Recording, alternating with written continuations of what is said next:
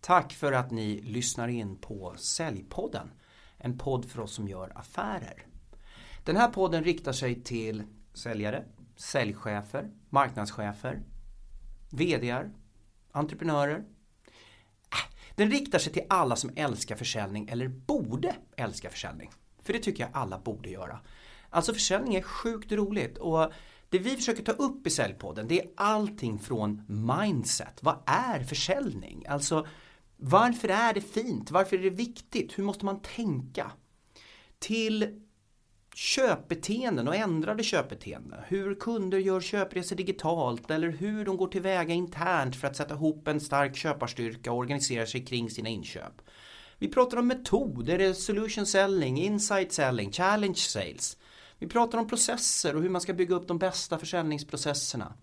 Vi pratar om teknik, alltså hur jobbar vi med social selling, hur arbetar vi med invändningshantering, köpsignaler och så vidare. Och så pratar vi mycket om affärskultur och strategier. Vi försöker gå igenom alla de här stegen. Det är steg som jag själv utbildar i och det är de stegen som jag försöker fokusera på när jag ger ut den här podden och när jag väljer gäster.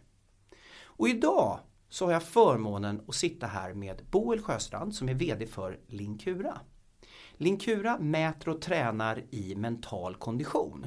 Och nu är vi på det här med mindset delvis och hur man mår och beter sig. Så vi ska prata med Boel idag ganska mycket om hur mår du, hur presterar du och hur får vi ihop det här? Välkommen Boel!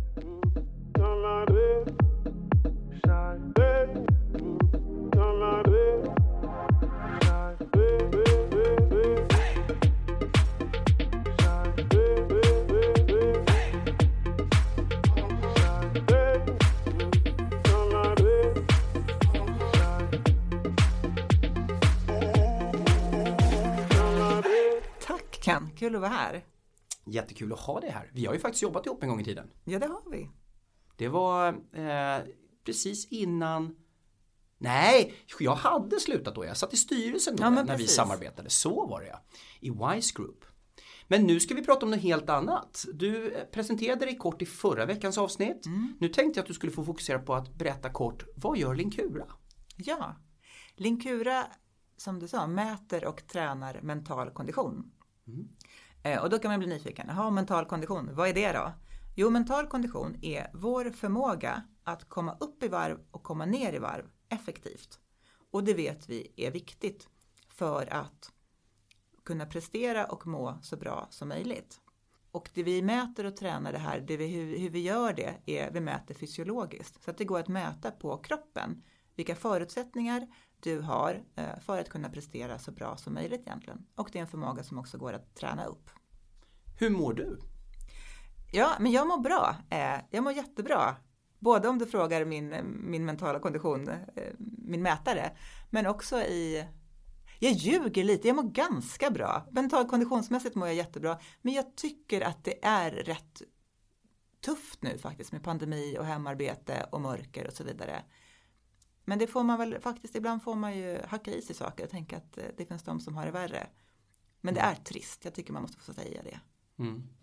Jag tycker också det är ganska trist. Eh, Jag eh, drivs ju av två starka drivkrafter enligt alla former av tester jag har gjort och det är utveckling och det är samhörighet. Utveckling, den är, det är julafton nu.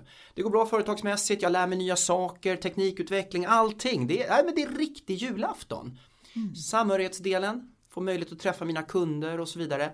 Där får jag kämpa. Som tur var, så, som tur är, så får jag fortfarande en chans att träna mina barn i, i fotboll och innebandy och jag får en chans att spela in den här podden där jag också träffar människor. Så att, men det är, den delen är jobbig just nu. Hur upplever du att säljare där ute mår kopplat till det här? För ni träffar ju en hel del säljare. Ja, men ganska, jag skulle säga att det är många säljare som har ganska lika drivkrafter som de du beskriver. Eh, Jag upplever att många säljare har, de, eller så här, de säljarna som har förmånen att vara i verksamheter som inte är direkt drabbade av corona, de har ju ett jäkla tryck nu. Eh, de som är i verksamheter som är drabbade av corona har också ett jäkla tryck nu. Så att mycket press på säljare. Eh, kortsiktigt har ju mycket ritats om. Försäljning och affärsutveckling har liksom tvingats snabbutvecklas på ett halvår egentligen bara. Eh, Samtidigt som man från en företagsledningshåll nu börjar man börja titta på sina budgetar, man börjar titta på sina femårsplaner och förstå att det här kommer kanske hålla i sig. På ett eller annat sätt kommer det här hålla i sig. Och ah, shit, pengar in blir viktigt. Och det var länge sedan vi behövde bry oss om det så hårt som vi måste bry oss om det nu. Det var länge sedan vi hade en, en lågkonjunktur. Så att pressen på säljare upplever jag har ökat oerhört i vad man ska förväntas prestera och åstadkomma. Samtidigt som de vanliga metoderna för hur man lyckas med det har ritats om radikalt. Mm. Jag tänker många säljare jag möter är väldigt skickliga på det personliga mötet. Mm. Och det personliga mötet är nu väldigt annorlunda än vad det personliga mötet var för ett år sedan. Och det finns en stress kring att nu måste all försäljning digitaliseras och så vidare. Och här upplever jag att många säljare sliter. Både i så högre stress, högre press ska jag säga, mer komplexitet och energiboostan eller det som, som var liksom det roliga och lustfyllda i jobbet har lite tagits bort för många. Att mm. Man måste, precis som du beskriver egentligen, man måste hitta sina energikällor på ett annat sätt när det inte lika naturligt får det i kundmötet. Jag beskrev ju lite mina drivkrafter. Det finns ju lite andra drivkrafter om man tittar på forskning i motivationsteorier och så vidare. Mm. Men jag tänker den här profilen som inte i ärlighetens namn är så förändringsbenägen. Mm. Samtidigt som man är en väldigt social varelse. Mm. Jag kan tänka mig att den personlighetsprofilen får det ganska jobbigt just nu. Jättetufft.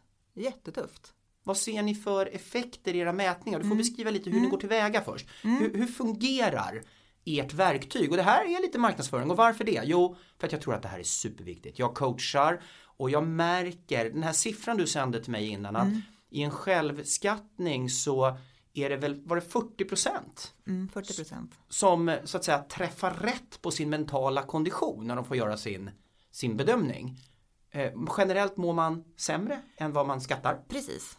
Enligt er mätning? Ja, exakt. Ja, men vi är ju forskningsgrundare så så fort vi blir nyfikna på någonting så måste vi göra en forskningsstudie på det. Mm. Eh, och en sak som vi var nyfikna på var just det här att egentligen är grundfrågan att hur kommer det sig att vi, vi har så mycket kunskap om hur, vad man behöver göra för att må bra? Eh, och vi lever i ett samhälle där ganska många ändå har ganska stort inflytande över sitt liv. Så att man har kunskapen, man har på något sätt möjligheten. Eh, nu pratar jag liksom om den, om man tänker vårt slags nätverk liksom. Eh, och ändå så mår folk sämre och sämre. Så mm. dåligt att många blir till och med sjuka av det här. Mm. Men även om man tar bort de som blir sjuka, så de som är friska har liksom normaliserat ett slags dvala. Jag tänker ibland att så här, en, den normala hälsningsfrasen är så här, hej Boel, hur mår du? Hur mår du? Jo, det är bra. Jag är lite trött just nu, eller det är lite mycket just nu. Det är liksom våran hälsningsfras. Mm. Så att det är helt normaliserat. Vilket är sjukt, så behöver det inte vara. Så det där var vi nyfikna på. Så, men, men betyder det att vi inte riktigt vet hur vi mår? Då? Är det det som är grejen? Att, för att vi har normaliserat någonting så mycket, att vi skulle kunna må mycket bättre. Så det gjorde vi en forskningsstudie på, där vi både bad 700 individer själva skattar sitt mående i en typiskt vanlig webbenkät. Liksom. Eh, och då finns det så här forskningsgrundande enkäter som är liksom de mest validerade att använda. Så det var vi noga med att använda en sån. Och så jämförde vi de resultaten med det vi fysiologiskt mäter. Och då mäter vi på kroppen. Eh, förenklat kan vi säga att vi mäter på nervsystemet som i sin tur styr hjärtat som styr hur kroppen varvar upp och varvar ner. Mm. Så att vi kan se så här, hur mycket uppvarvad eller hur mycket nedvarvad är den här fysiologiska varelsen, den här människan. Och så jämförde vi resultaten. Och mycket riktigt, 40% har fel. Mm. Och av de som har fel så har majoriteten fel åt det hållet att de tror att allting är normalt och okej. Men kroppen är så här, det går inte, det är för mycket. Jag är för uppvarvad hela tiden. Hur länge har den här forskningen eh, pågått med de här 700 individerna? Ja, det var liksom en, en punktstudie. En punktstudie, eh, ja. Men forskningen på det vi har gjort och hur vi mäter, eh, dels så är det liksom en sammantagning forskning av hur att mäta vi mäter det som heter hjärtfrekvensvariabilitet. Mm. Eh, och vi mäter det med hjälp av ett EKG, för det är det bästa sättet att mäta liksom, för att få en högkvalitativ data. Och det, de studierna har liksom pågått kliniskt länge eh, och sen finns det sådana liksom aggregerande studier som tittar på sådana studier mm. eh, sammantaget. Linkura är en avknoppning från forskning vid Linköpings universitet som från början handlade om biomedicinsk mätning. Alltså hur kan vi mäta saker på kroppen för att lära oss om hur vi mår? Mm. Och då var man nyfiken på det som inte är invasiv mätning. Alltså man vill inte sticka hål på kroppen, inte insuliner, blodmätningar, utan vad kan vi mäta utöver det? Och då kan man typiskt mäta puls och EKG och så vidare. Mm.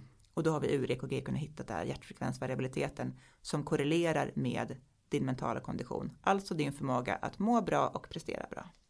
Nu är det en väldigt specifik fråga och det är inte säkert att du har svaret på det här. Eh, men devisen är ju mår du bra, presterar du bra? Mm. Finns det forskning då på de här individerna som mår bra enligt er mätning kopplat till prestation? Ja, ja men det gör det. Vi följer upp det här. Det, är liksom, det här är vårt kundlöfte i någon mån. Eh, det som är utmaning och, så här, och ja, i våra studier så ser vi den korrelationen. Mår du bra, presterar du bra. Och vi jobbar ju mycket med att hjälpa folk att må ännu bättre. Mm. Eh, och då är vi, ja i och för sig är vi hela skalan, både de som mår väldigt dåligt och liksom under stress, men också sådana som, som mår normalbra, eh, som kan må väldigt mycket bättre. Och då jämför vi det, eh, hur liksom den fysiologiska välmåendet, hur det korrelerar med ökad prestation eh, och ökat engagemang på jobbet. Så att säga, ja, de korrelerar. Utmaningen i det där är ju så här, okej, okay, hur mäter man prestation då? Och det blir väldigt olika. Så mäter man, och ganska komplext, om man tänker sig, om man är en säljare, mäter jag prestation i hur många, hur många samtal jag ringer, hur många affärer jag sätter, eh, hur mycket, mycket pengar jag omsätter, hur mycket jag affärsutvecklar. Så att vi har inte hittat liksom något relevant. Det finns ju massa saker som man skulle kunna titta på, men jag tycker att det är förminskande och fördummande faktiskt. Mm. Eh, så att vi, det bästa vi har kommit till är att mäta den självskattade upplevelsen i presterar du mer. Mm. Mm. För det tycker vi är, det är det som har högst relevans. Mm. Och där ser vi en jättetydlig ökning. Mm. Nej men jag kan förstå det. Det, det, det blir, kan bli fördummande mm. eh, att eh, plocka ut ett mätetal. Eh, eftersom vi lever i en komplex affärsvärld. Precis ja. som du säger, ibland är man inte ensam i en affär. Ibland kan det handla om en eh, säljcykel på flera år och så vidare. Så att det kan ju bli komplext ja. att, att dyka ner i ett enskilt resultat och göra kopplingen. Men jag vill reflektera kring en annan sak. Vi, mm. Jag känner spontant att vi börjar med en liten light deppig start här med ja. att vi mår jävligt mycket sämre än vad vi tror. Och så kommer jag in med den här motivationsteorin där Väldigt ofta så har vi inte koll på våra drivkrafter. Vi vet mm. inte alltid vad vi drivs av utan det är en undermedvetet. Mm. Och slår vi ihop de här, att vi mm. faktiskt inte riktigt vet våra drivkrafter och att vi dessutom då eventuellt eh, feluppskattar vårt eget mående. Mm. Det är klart att det här inte är bra. Nej.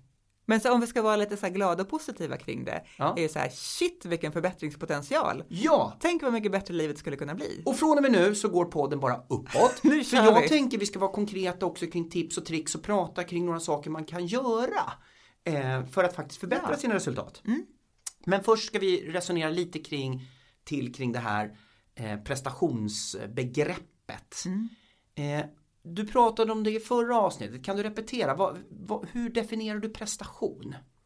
Mm. Eh, jag, definierar, jag tänker på prestation, precis det jag sa i förra avsnittet, jämför att jag, jag tänker att jag ofta hamnar i det likställs med ordet press och blir någonting negativt. Men för mig så handlar prestation om att åstadkomma någonting. Och åstadkomma någonting kan ju vara väldigt olika saker beroende på ja, lite drivkrafter men också vilken kontext man är i att åstadkomma någonting kan ju vara allt ifrån att så här, bygga ett hus, eh, sätta en affär, skapa ett kreativt positivt klimat i ett möte. Allt mm. det är ju prestationer. Mm. Och jag tänker att prestation är någonting som vi också som människor är skapade för att göra. Vi är liksom sociala varelser.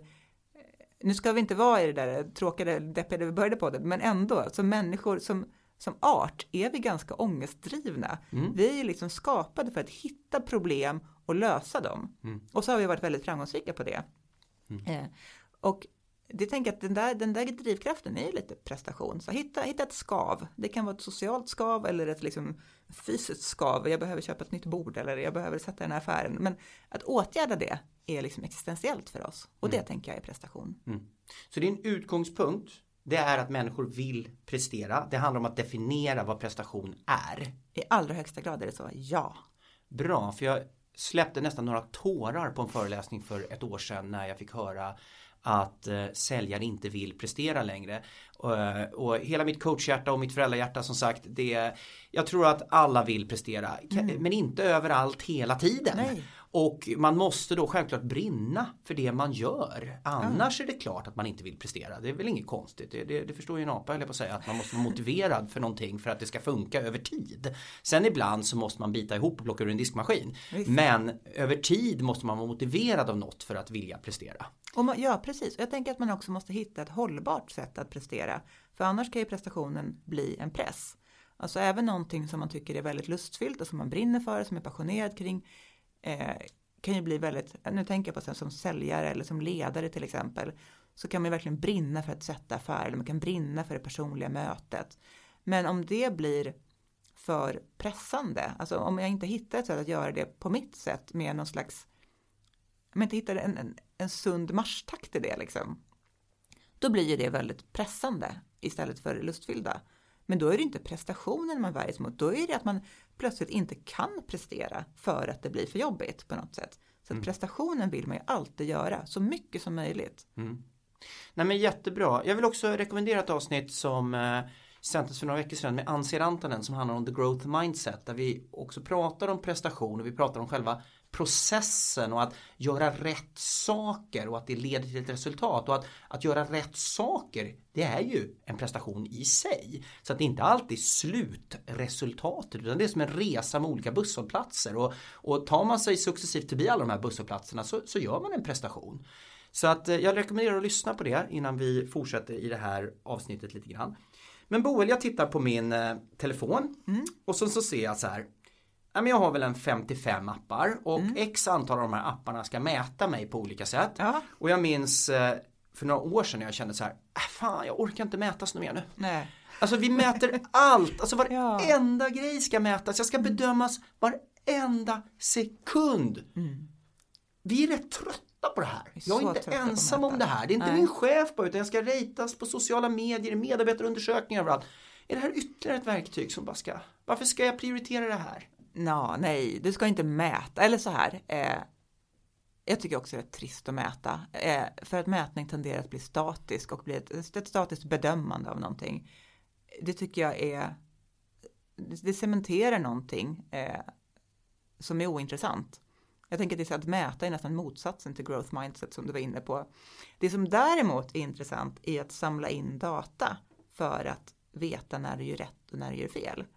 Att som hitta att använda mätteknik, och med mätteknik menar jag då så verktyg som kan samla in data för att skapa en egen feedback loop kring vad ska jag göra som kan, vad, vad kan jag lära mig av mig själv och hur kan jag påverka saker så att jag ser ett snabbt resultat. Det är ju kul.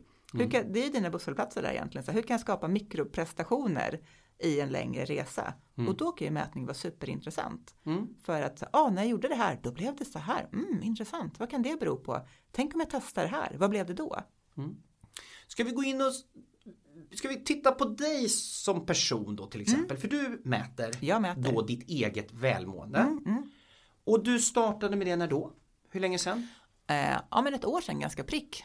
Det var ju då jag började på Linkura som styrelseordförande först och sen klev på som vd i somras. Så att då fick jag, när jag klev på som ordförande, då fick jag lådan hemskickad och fick börja mäta.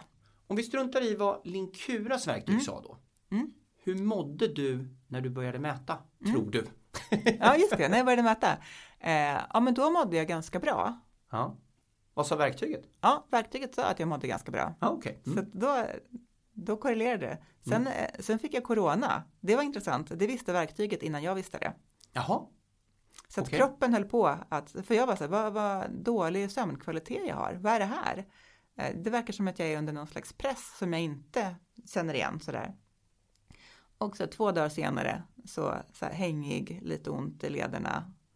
Jag fick en mild variant så det var som en förkylning liksom. Men, men kroppen började kämpa innan jag själv upplevde det. Okej. Eh, är det många som upplever det här eh, i mätningarna att de liksom de, verktyget säger någonting och efter så kommer då någon form av konsekvens fysiologiskt. Ja, men det är ganska vanligt vid olika slags sjukdom. Eh, Alltså typ en förkylning, alltså vad som helst, liksom vanlig sjukdom som vi alla drabbas av. Att kroppen börjar jobba med det innan man själv känner det. Ja. Okej. Och det är också vanligt, det kan också vara om man har, alltså om man har en skada, eh, man kanske har stukat foten. Då kan man också, då kan vi se att sömnkvaliteten ser sämre ut för att kroppen håller på att jobba som tusan med att läka den här foten. Det tänker vi inte riktigt på som att det är en fysiologisk belastning eftersom så här, jag vet att jag har ont i foten så jag kan inte springa den här veckan. Men mm. vi kopplar inte ihop det med vårt mående för att vi är så vana vid att separera vårt liksom, psykiska och fysiska mående på något sätt. Men, men kroppen skiter ju i det. Men ditt mående nu då, ett mm. år. Mm. Har, ser du uppgångar eller nedgångar baserat på sommarmånader, veckodagar, eh, misslyckad försäljning eller vad ser mm. du påverkar ditt mående? Ja, men jag ser jättetydligt vad som påverkar mitt mående. Eh, det, som, det som gör stor skillnad är om jag går och lägger mig på kvällen eller inte. Eh, eller ja, det gör jag ju varje kväll till slut, men, men när jag gör det och vad jag har gjort innan, det spelar jättestor roll. Och då blir man ju nyfiken, så här, men vad är det som får mig att gå och lägga mig sent eller tidigt och vad jag gör de sista timmarna. Och det i sin tur korrelerar ganska direkt med hur jag har det i livet. Mm. Alltså när jag upplever mig stressad eller så här nere eller något inte känns riktigt bra, då tenderar jag att sitta längre eh, kvar i soffan och kolla på ett Netflix-avsnitt till eller så här ja men så här, verkligen, nu kommer jag ut här som, med en skämsgrej, så här, kolla om jag fått nya likes på LinkedIn. Mm. Så pinsam grej, men så här, det kan jag ägna mig åt halv mm. elva en tisdag kväll liksom, istället för att gå och lägga mig. Eh, en, I en period när jag tycker livet känns lite tufft. Men eh, medan när livet känns bra, då har jag inte de behoven. Så då går jag och lägger mig istället och läser en bok. Mm. Vi ska dyka ner i det där sen med lite skrönor om mm. vad som får oss att må bra och vad som faktiskt inte får oss att må ja. bra. Men du, om man bjuder dig på fest, nu får vi ju mm. inte ha någon fest och sådär så att du inte bjud, det här är ingen inbjudan. Nej, vad synd. Eh, så, alltså jag längtar så mycket efter att gå på fest. Men... Ja, men vem bjuder man in? Dig eller Linkura? Säger du vid 10.30 så här, nej men nu måste Linkura gå hem. nej, det gör jag inte. Eh, jag tänker så här, med det finns ju en präktighet kring liksom livsstils, om vi vill kalla det det, så, eh, liksom alla, alla, alla, alla som är intresserade av hälsa så finns det en präktighet kring det där. Mm. Att man bara för att man är intresserad så måste man vara så himla perfekt. Mm. Och det där värjer jag mig mot emot. Jag tycker det är, jag tror att det är ångestskapande att ha en perfektionism kring sin hälsa oaktat hur, hur bra det än är. Eh, och jag tycker inte det finns ett självändamål i det heller. Alltså Linkura tycker ju, eller liksom, Link, inte, inte, inte bolaget Linkura, men eh, Linus då som är vår AI-coach. AI mm Linus säger till mig att, att jag ska inte vara uppe sent på kvällen, jag ska inte dricka alkohol. Eh, det kan vara väldigt, eh, om, om jag blir väldigt uppe i varv och pratar med folk och blir väldigt engagerad, eh, då kan det ibland bli som en stress på mig. Så då kan ju Linus flagga lite för sig, var det här värt det eller inte? Så att Linus tycker att det inte alltid är jättebra att gå på fest sent. Men men jag vet ju också att jag blir lycklig av det, mm. vilket gör att sen, nej, dagen efter är ju en jättedålig dag, så att jag ska väl inte göra någonting svårt den dagen. Mm. Men, så, men värt det, för jag fick träffa massa härliga människor och det gav mig annat. Liksom. Så lite sunt förnuft funkar också? Sunt förnuft tycker jag är den bästa. Mm. Ja, men bra, vi ska dyka ner i de här eh, olika delarna där vi har fått för oss att det här är väldigt bra för vårt välmående. Mm. Men jag tänkte du skulle få svinga lite med yxan först. Ja alla de här checka hälsoråden som poppar upp i mm. Facebook, LinkedIn och så vidare. Eller alla de här ja. hurtiga råden som kommer från någon som vet bäst. Just det. Hur ser du på dem då? Alltså man ska ja. träna här och jag ska göra det och isvak klockan 5.30 på morgonen och allting. Hur, ja. hur ser du på det? Ja, det finns, jag tycker det finns två olika kategorier av den där sortens råd. Eh, om jag började de där som du nämnde sista, isvak klockan fem på morgonen, det är på något sätt extremråden. Så här, jag går upp klockan fem, kör en isvak, springer ett ultramaraton, mediterar och sen äter jag den här gröna smoothien. Det är ju inte, alltså det är en extre, det är ett extremform. Så ja, det kan man väl pyssla med om man är intresserad av extremsport i livet liksom. Mm. Men det är ju inte ett generellt råd. Alltså då är ju så här, ja, nej, så det där tänker jag är så här, det är dumt jag blir provocerad när det lanseras som generella råd och jag blir, jag blir feministiskt arg faktiskt också för att det ofta är av människor som inte tar familjeansvar. Och då mm. tänker jag så här, och de kommer oftast av män som kanske inte, jag blir nyfiken, så här, undrar vem som tar hand om familjen i den här konstellationen. Och så vad skulle krävas av min man om jag skulle så här, ut och bada isvak och hålla på. Så han, ja, och så skulle jag vilja ha den relationen till mina barn. Ja, bla bla bla. Ja, du hör, mm. där, där svingades den liksom. Mm. Eh, men så här, för all del, man kan hålla på med extremsporter, varför inte? Men inte som generella tips. Den andra, de andra råden som är mer där råden är mer sunda. Som kan, tänker så nu när vi jobbar, när det är mycket karantän och hemmajobb, så kommer det mycket råd som egentligen är bra. Så här, ta kontakt med en vän, ta en promenad, eh, se till att rör på dig. Det är ju saker som så här, det är ju bra. Men där blir jag provocerad av två saker egentligen, eller ja, egentligen fram, främst en sak. Och det är så här, men vi vet. Det är inte som att kompetensen är problemet. Det är inte som att det problemet är att, så här, att någon är så åh oh, shit, man ska äta nyttigt. Varför har ingen sagt någonting? Tänk om jag hade vetat det för tio år sedan. Mm. Där är vi ju inte idag. Så det, det, blir nästan, så det som händer då är att det blir ångestskapande, att man på något sätt är dålig som inte klarar av det här om man ändå mår dåligt, om man mm. ändå inte har får kläm på sina sociala relationer i karantän eller om man ändå så här, går upp i vikt fast man inte vill eller vad det kan vara. Mm. Så jag värjer mig, jag, blir provocerad av att man pratar så mycket om, om det som om det vore kompetensen som är problemet. Mm. När det handlar om eh, det komplexa är ju hur får man en människa att förändra ett beteende? Mm. Det är ju svårt på riktigt. Vi vet ju redan väldigt mycket och vi vet att vi borde träna och äta sallad och lite sådana här grejer för att må bättre. Det är ju ett generellt råd som är ja. korrekt. Men det, det är viktigt att få ut det i armar och ben och börja göra. Och där tror jag att man får sätta sig ner och bestämma sig för en eller två, tre saker. Eh, se till att någon håller en ansvarig möjligtvis, en coach eller en, ja, en Likura-mätare mm. eller vad vi nu mm. pratar om. Någonting som talar om för mig att du gör inte det du lovat dig själv. Jag brukar göra en förenklad grej på tal om generella råd. Det är att jag brukar fråga mina coachklienter på skala från 1 till 10 hur viktigt är det här? Och så kommer någonting under en 8 då, då brukar jag säga att ja, då behöver du väldigt mycket coachstöd för att genomföra ja. det här. För att eh, du vill nog inte fullt ut. Nej. Och även 9 och 10 behöver vi hjälp med. Mm. Jag själv har ju råkat ut för en väldigt, väldigt allvarlig sjukdom en gång i tiden och då skulle jag göra ett antal saker. Och till och med jag med all den kunskap jag tror mig ha gjorde inte jag det jag visste att jag behövde göra. Nej. Förrän jag gick till en PT och förrän mm. jag sa till min fru följ upp mig på det här. Ja. Och det är där sådana här verktyg då får ett värde. Precis, jag tänker vi behöver både en, liksom, en feedback-loop med data som ger oss snabba resultat och vi behöver social förstärkning. Vi är mm. människor så vi behöver en annan människa som bryr sig. Vi ska vara lite konkreta kring, har du tre tips? Mm. Och nu med risk då för att vara lite generell men ändå tre tips baserat på vad ert, er forskning har sagt som mm. man kan tänka på. Ja, eh, som man kan tänka på typiskt. Nu tänker, om vi ringar in lite mer, alltså, vem ska tänka på det här? Typiskt mm. en, en säljare eller en chef på jobbet. Jättebra. Mitt första tips är lär känna dig själv.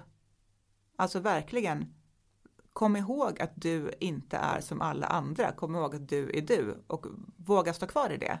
Det betyder både att du, har fysiologiskt, du är fysiologiskt annorlunda än andra människor och du har också en annan livssituation än andra människor. Så att börja i det, ställ inte krav på dig själv att göra någonting som skulle vara samma för alla andra. Om det får vara råd nummer ett då, mm. eh, så är råd nummer två, om, man, om det man vill uppnå är må bra, prestera bra, eh, då är det viktigaste måna om din sömn. Och ska man säga förenkla, eh, sömn handlar både om kvantitet och kvalitet, eh, men kvantitet och kvalitet som är så mycket går, går hand i hand även här. Eh, men man tenderar att tumma på kvantiteten mer i sömn. Alltså så här, tänka, det finns en sån här, jag klarar mig på sex timmar. Och den tänker jag, råd nummer två är så här, nej, du klarar dig inte på sex timmar. Eller, du kanske klarar dig, men är din livsambition att klara dig eller är din livsambition att må och prestera bra?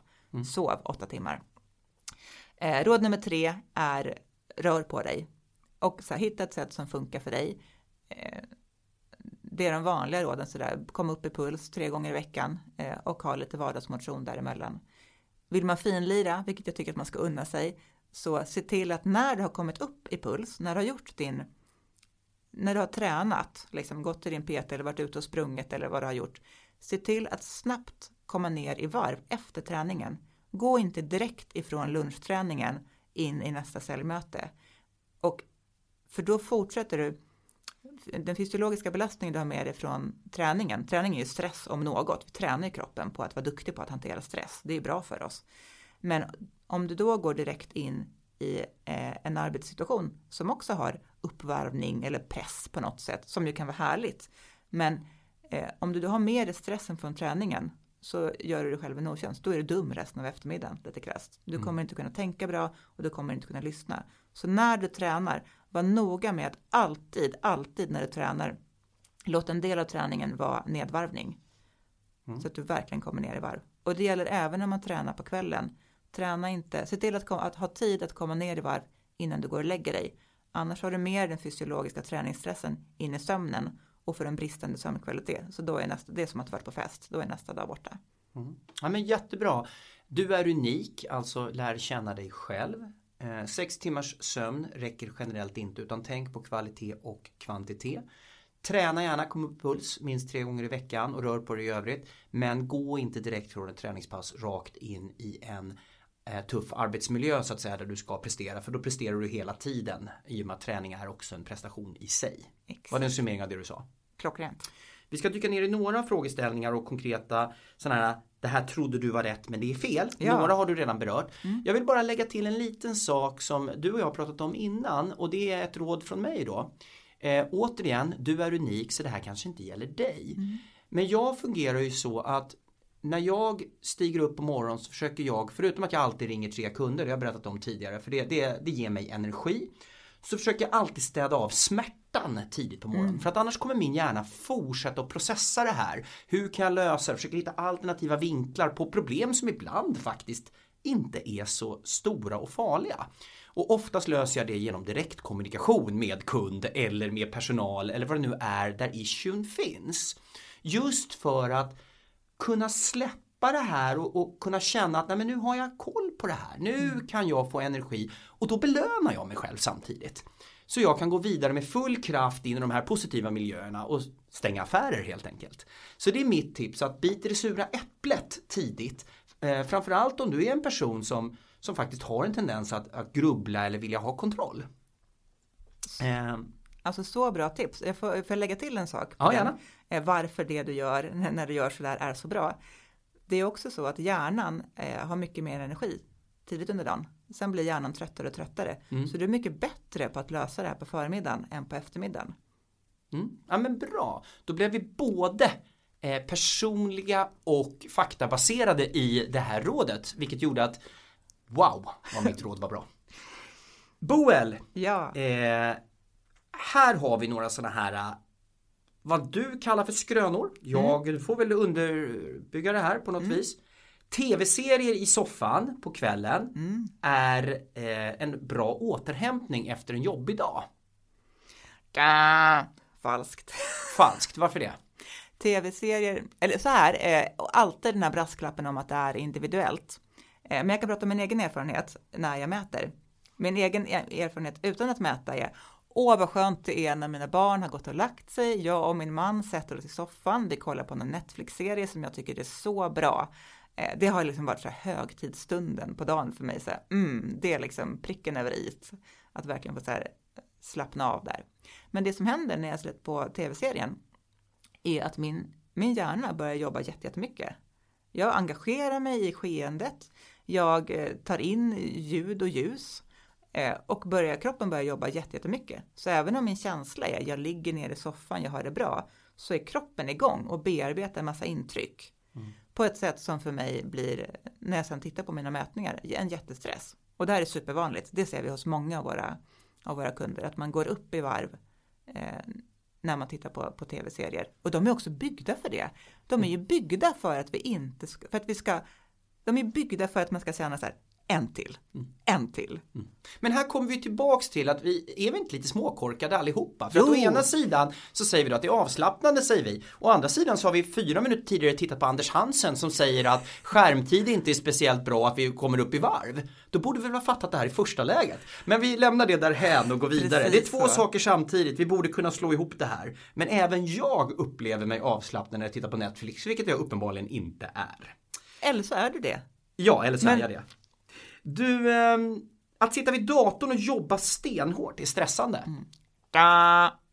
Fel, men rätt. Kan vara olika. Att jobba med någonting där man vet, där man känner sig trygg är jättefin återhämtning. För mig kan det, och här är vi verkligen olika vad man är trygg med och vad man inte är trygg med på jobbet. Och det kan ju bero både på vad man är, eh, vad, hur, hur man är lagd, liksom, vilka drivkrafter man har. Men också vad man har för, för erfarenhet. Alltså om jag haft en chef som har betett sig på ett visst sätt så kanske jag alltid är nervös när jag gör en arbetsuppgift. För jag brukar få skäll när jag gör det här. Eller? Mm. Men för mig, jag får jättefin återhämtning om jag sitter och om jag skriver till exempel, om jag får skriva en offert eller en pitch eller så här, jobba lite kreativt och säljande. Det tycker jag är superkul. Eh, jättefin återhämtning. Jag kan också få jättefin återhämtning i vissa möten för att jag går igång på det, liksom, det mänskliga sam samarbetet. Medan jag har kollegor som är, ja men såklart blir jättestressade av olika sociala interaktioner och tycker det är vidrigt och helst vill få vara i fred. Mm. Och där i ditt fall då så kommer nummer tre. Workshops och stora möten är stressande. Just det. Mm. Eller rätt, beroende på vem du är. Vem du är. Precis. Jag tycker det är intressant. Där är jag lik dig att jag i vissa fall så då vill jag få fram datorn, städa av några saker vilket gör att jag känner att jag har grepp på tillvaron. Det är mm. ganska behagligt då ja, till och med precis. att sitta med det. Vilket gör att delar av hemarbetet har blivit jättebra. För datorn har jag verkligen kunnat få ett grepp om situationen. Och stora möten också jättebra så att säga om jag känner att jag har kontroll på det. Mm. Så det är lite olika, håll i er. Det är lite olika. Ja. Eh, det är vilosamt att gå in i sin bubbla och scrolla i flödet på mobilen på tunnelbanan hem. Fast den behöver vi ju knappt. Du får väl låta, du får köra ditt läte där. Ja, nu har vi redan pratat om det, att det i grunden inte är vilosamt. Det kan fortfarande vara roligt, men det är mm. troligtvis inte vilosamt Nej. för hjärnan. Det där är superintressant. Jag var tvungen att göra mig själv till en liten så här, eh, vad heter det, labbråtta eller bara säga. Testa, så hur, för jag upptäckte att jag blev väldigt stressad. Ofta cyklar jag, men när jag åker tunnelbana så blev pendlingen till jobbet ofta en stress på min kropp. Och då tänkte jag, jag kommer till jobbet och jag är stressad. Mm. Så här, dåligt, dålig start på dagen. Mm. Hur kan jag så här, komma ner i varv? Eh, och då testade jag lite olika. Jag testade ja, men dels det som jag brukar vilja göra, så att kolla nyheter eller kolla några mejl. Eh, jättedåligt. Eh, jag testade att inte göra någonting, så ha mobilen i fickan. Supersvårt om man är van vid att ha den uppe. Inte heller så bra. Jag testade att blunda ja då blev det lite bättre. Då tog jag liksom bort intrycken, alla synintryck. Eh, och sen så next level var att jag testade att lyssna på Spotify och sånt där är fullt av olika liksom andningsövningar och meditationer. Så jag provade att lyssna på en sån guidad meditation. Och så, ja men det, det funkade bäst. Mm. Och då kommer man in till jobbet och är, ja men i en helt annan, man har helt andra förutsättningar att, ja men typiskt det du beskriver där egentligen, börja sin arbetsdag med det svåraste. Mm. För då är ju min hjärna beredd liksom. Nu ska jag testa det här eh, mm. verktyget. Eh, och eh, kommer återkoppla hur, hur jag mår transparent i ett nyårstal som jag kommer hålla den 28 december tror jag det blir. Så att då får vi se vad som gäller för mig. Yeah. Men eh, ja, för man är ju verkligen lite olika. Jag körde mindfulness första gången 2016 och jag hade sån sprängande huvudvärk efter det. Så att eh, det var lite olika men, men eh, det gav ju mig en insikt någonstans att ah. troligtvis så var jag väldigt väldigt stressad. Precis. Och när jag då slappnade av så, så fick det den effekten så att det var ett observandum som det så fint heter. Ja. Sista lilla devisen jag tänkte lyfta det är det att eh, när du avslutar en dag mm. efter ett hårt dag, då påbörjas din återhämtning. Mm. Är det rätt? Alltså förlåt, när du avslutar en dag? När du, avslut, mm. när du har jobbat väldigt hårt en ja, dag. Då påbörjas din återhämtning. När du slutar arbeta. Ja, ja, just det. Och gissa vilket ljud som kommer här. Ja. men igen, individuellt. Eh, jätteolika. Eh, kul, min man håller just nu på att mäta. Eh, han har fått en sån här Linkura-mätare också. Så nu håller vi på att jämföra hur hemsituationen ser ut hos oss jätteolika. För honom är det så. Eh, jättefina blåa staplar, alltså mycket återhämtning hade han igår kväll. Och jag kollade på min egen så knallröd, vilket utlöste en så här eh, feministiskt bråk. Eh, ja. det kan man ägna sig åt om man vill. Men, men verkligen jätteolika. Men också en annan skillnad vi kunde se är att jag får jättemycket återhämtning på jobbet. Mm. Så här, fast än, eller på grund av att jag har ett jobb som jag tycker jättemycket om, det jag jobbar jättehårt. Mm. Så det är verkligen den här liksom likställigheten som man kan ha mellan jobb och stress och eh, ledig och vila är inte alls sann. Nej. Den kan vara sann, men inte, inte per definition och inte hela tiden och inte för alla. Men nu vill jag bara komma med en liten banal reflektion, för den här är väldigt banal. Jag kan tycka ibland att när man har gjort en mätning så får man blåa eller röda staplar. Mm. Och det här sagt med glimten i ögat lite mm. grann, men ja, det här framkallar en liten diskussion i familjen ja. kring det här. Det kan ju också framkalla en diskussion på arbetsplatsen att ja, ja men nu är jag jätte eh, har jag en röd stapel här. Ja. Det betyder, och så drar man en slutsats om någonting. mm. Alldeles för mycket att göra. Ja, Budget måste ner eller kan du eh, sväva fritt du förstår vad jag, Jag menar i det här. vad du Får menar. jag patent på sanningen för jag sitter med Lekura-mätare nu? Mm. Nej. Eh, jag tänker att det gäller ju att förstå att det är komplext. Att korrelationen inte är eh, fysiologiskt uppe i varv på grund av dålig budget. Det är ju så många steg däremellan som man måste vara nyfiken på. Mm. Och lösningen är förmodligen inte heller så "Ja, vi ändrar budget, vips så blev det blått. Alltså så här, hittar vi den knappen, det vore ju fantastiskt. Men så enkelt har vi inte riggat något företag. Nej. Däremot så tycker jag att det här är en jätteviktig konversationsstartare egentligen. Ehm, I en grupp, vi har flera av våra kunder som jobbar som, de har liksom som en Linkura check-in egentligen på morgonen. När man kan säga så här, men så här, eh, idag har jag de här sakerna som jag måste prestera. Idag eh, har jag, är jag i det här skicket. Så här, jag har tydligen inte sovit så bra, jag är, jag är stressad. Då kan man ju använda sig, okej då behöver du, ja shit du ska på det här viktiga kundmötet. Du måste ju ner i varv. Om du ska ha en chans att sätta den här affären så måste du ner i varv. Okej, det betyder att jag som kollega eller chef ska inte just nu eh, komma med den här jättejobbiga grejen.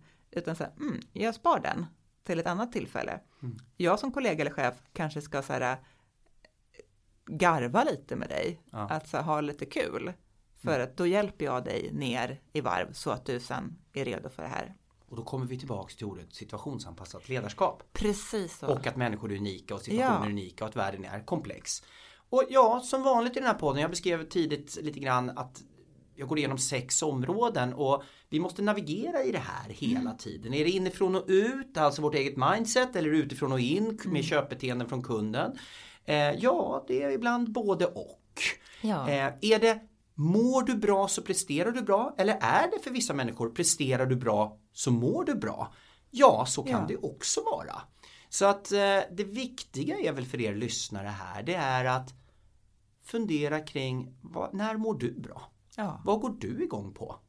Vad behöver du för att faktiskt prestera? För med all sannolikhet så vill du prestera.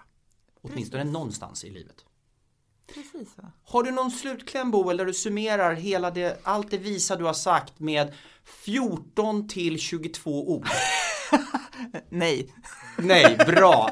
Det var alldeles för hög press och det blev röda staplar direkt såg jag på appen. Skämt åsido, eh, skämt åsido, ett viktigt, viktigt, viktigt ämne det här. Eh, och det är väldigt många som har hört av sig till mig kring den här frågan och hög press, hög stress, rent generellt i säljyrket men också kopplat till de här coronatiderna. Det vi har försökt göra här idag det är att visa på normaliteten i det här. Att du är inte ensam på något sätt. Att du behöver fundera kring det här, kanske prata med din chef, kanske ha en coach etc. etc. Eller faktiskt hitta ett verktyg som, som gör att du kan direkt få feedback kring ditt mående så du kan påverka din egen situation.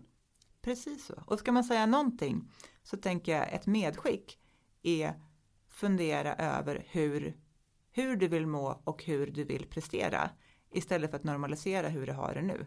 Jättebra. Stort tack Boel för att du var här idag.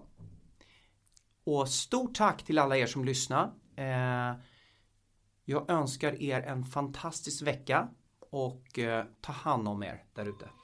Ha det gott!